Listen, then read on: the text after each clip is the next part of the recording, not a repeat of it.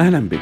أنت الآن تستمع لبودكاست ابدأ صح طريقك من الوظيفة للثراء تقديم ياسين الحيوي لايف كوتش معتمد ومختص في مجال المال الاستثمار وريادة الأعمال.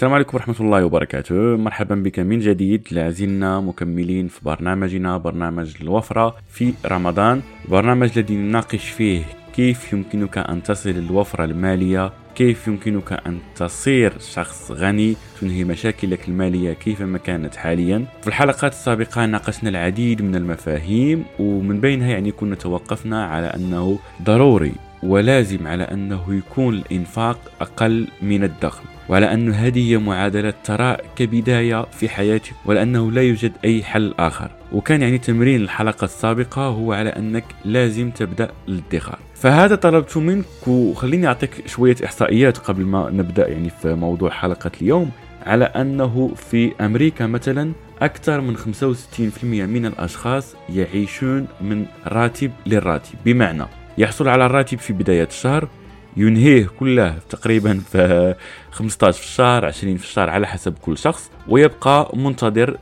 نهاية ولا بداية الشهر الثاني ولا المقبل لكي يحصل على دخل لأنه يتبقى بدون مال.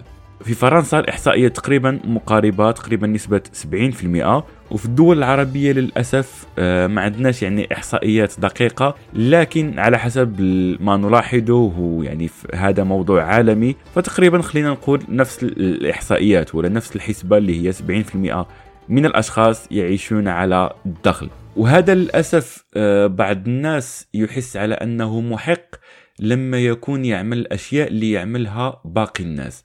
فخليني أذكرك هنا بقاعدة. حتى في القرآن الكريم لما تجد الله عز وجل يتكلم عن مجموعة من الناس لاحظ ماذا يقول عنهم الله.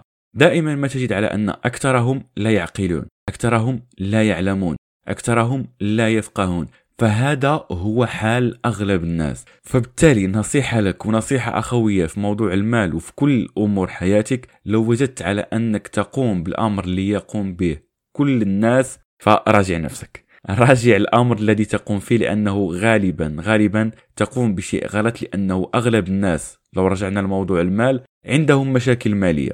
فبالتالي على أنك تستمر بنفس الشيء اللي يقوم به كل الناس يعني على أنك تدمر حياتك المالية.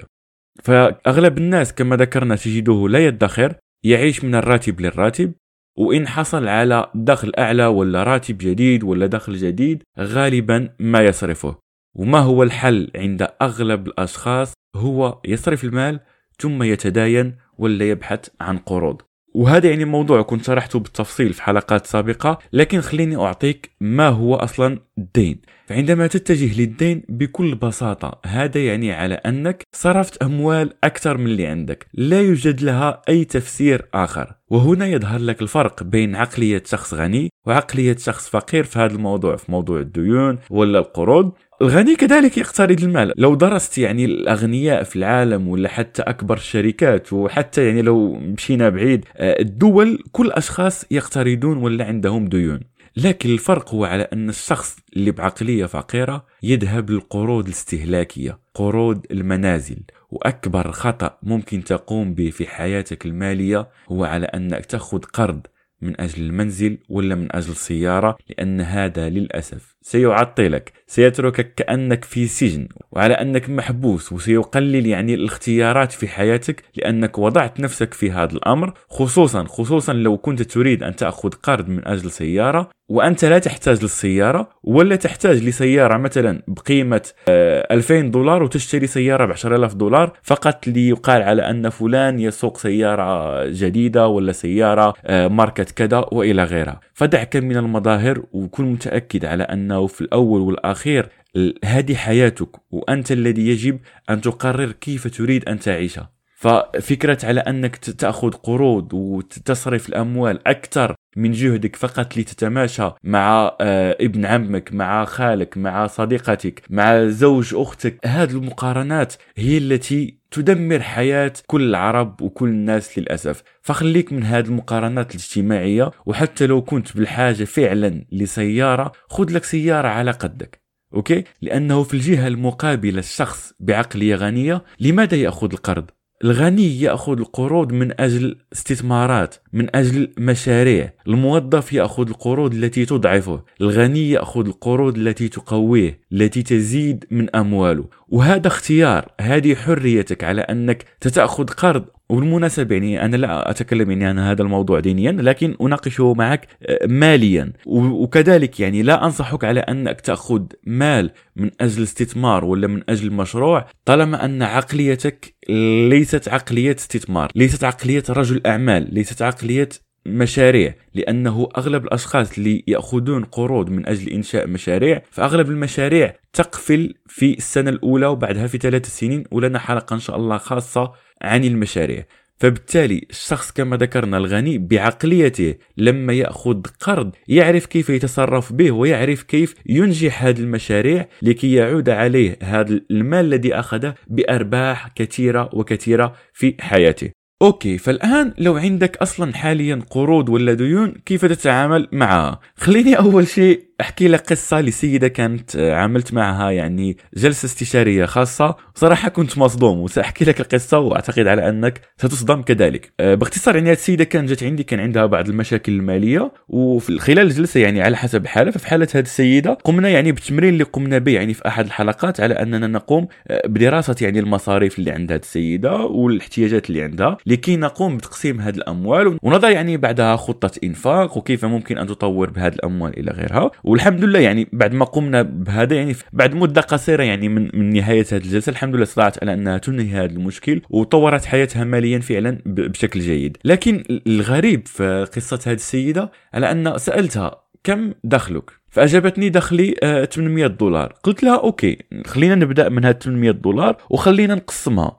قلت لها يعني نقسمها بدأنا في التقسيم يعني الأساسيات إلى غيرها وصلنا للديون. سألت هذه السيدة ما هي الديون التي عندك؟ قالت لي أه لا أعرف. قلت لها كيف؟ عندك salary 800 دولار؟ ما هو المبلغ الذي تدفعين في الديون؟ قالت لي آه لا لا 800 آه، دولار من غير الديون يعني 800 دولار هي التي تبقى لي. قلت لها يعني تمام okay ما فيش مشكل ولكن لنعمل يعني الحسبة بشكل جيد فأعطيني الدخل بأكمله.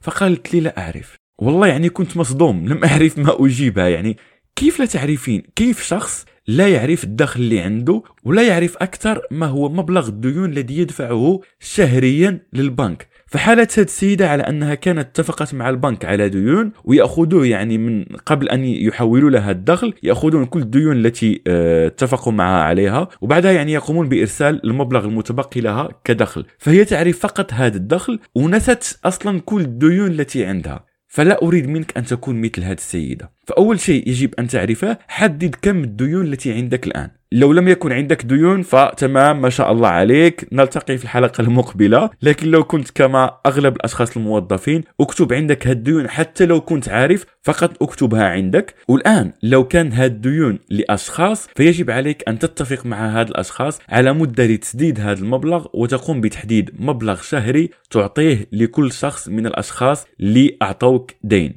نفس الأمر بالنسبة للقروض البنكية. لو عليك قروض حدد كم هي نسبة هذا المبلغ من الدخل الذي عندك. فلو كانت نسبة أكبر من 10 إلى 20% فهنا عندك مشكل. لكن لا بأس خليها فقط اولا يكون عندك وعي بالديون التي عندك ويكون عندك رؤية لمتى ستنهي هذه الديون من حياتك وكذلك تلتزم شهريا بدفع هذا المبلغ سواء للأشخاص ولا للمؤسسات البنكية ولا للجهات فقم بها التمرين ولا تنسى أن تشارك هذه الحلقة لأنها فعلا مفيدة وتخيل كم عدد الأشخاص الذين عندهم ديون واللي ممكن تساعدهم بمشاركة هذه الحلقة معهم. وأراك غدا في حلقة جديدة إن شاء الله. لا تنسى ابدأ صح تنجح صح.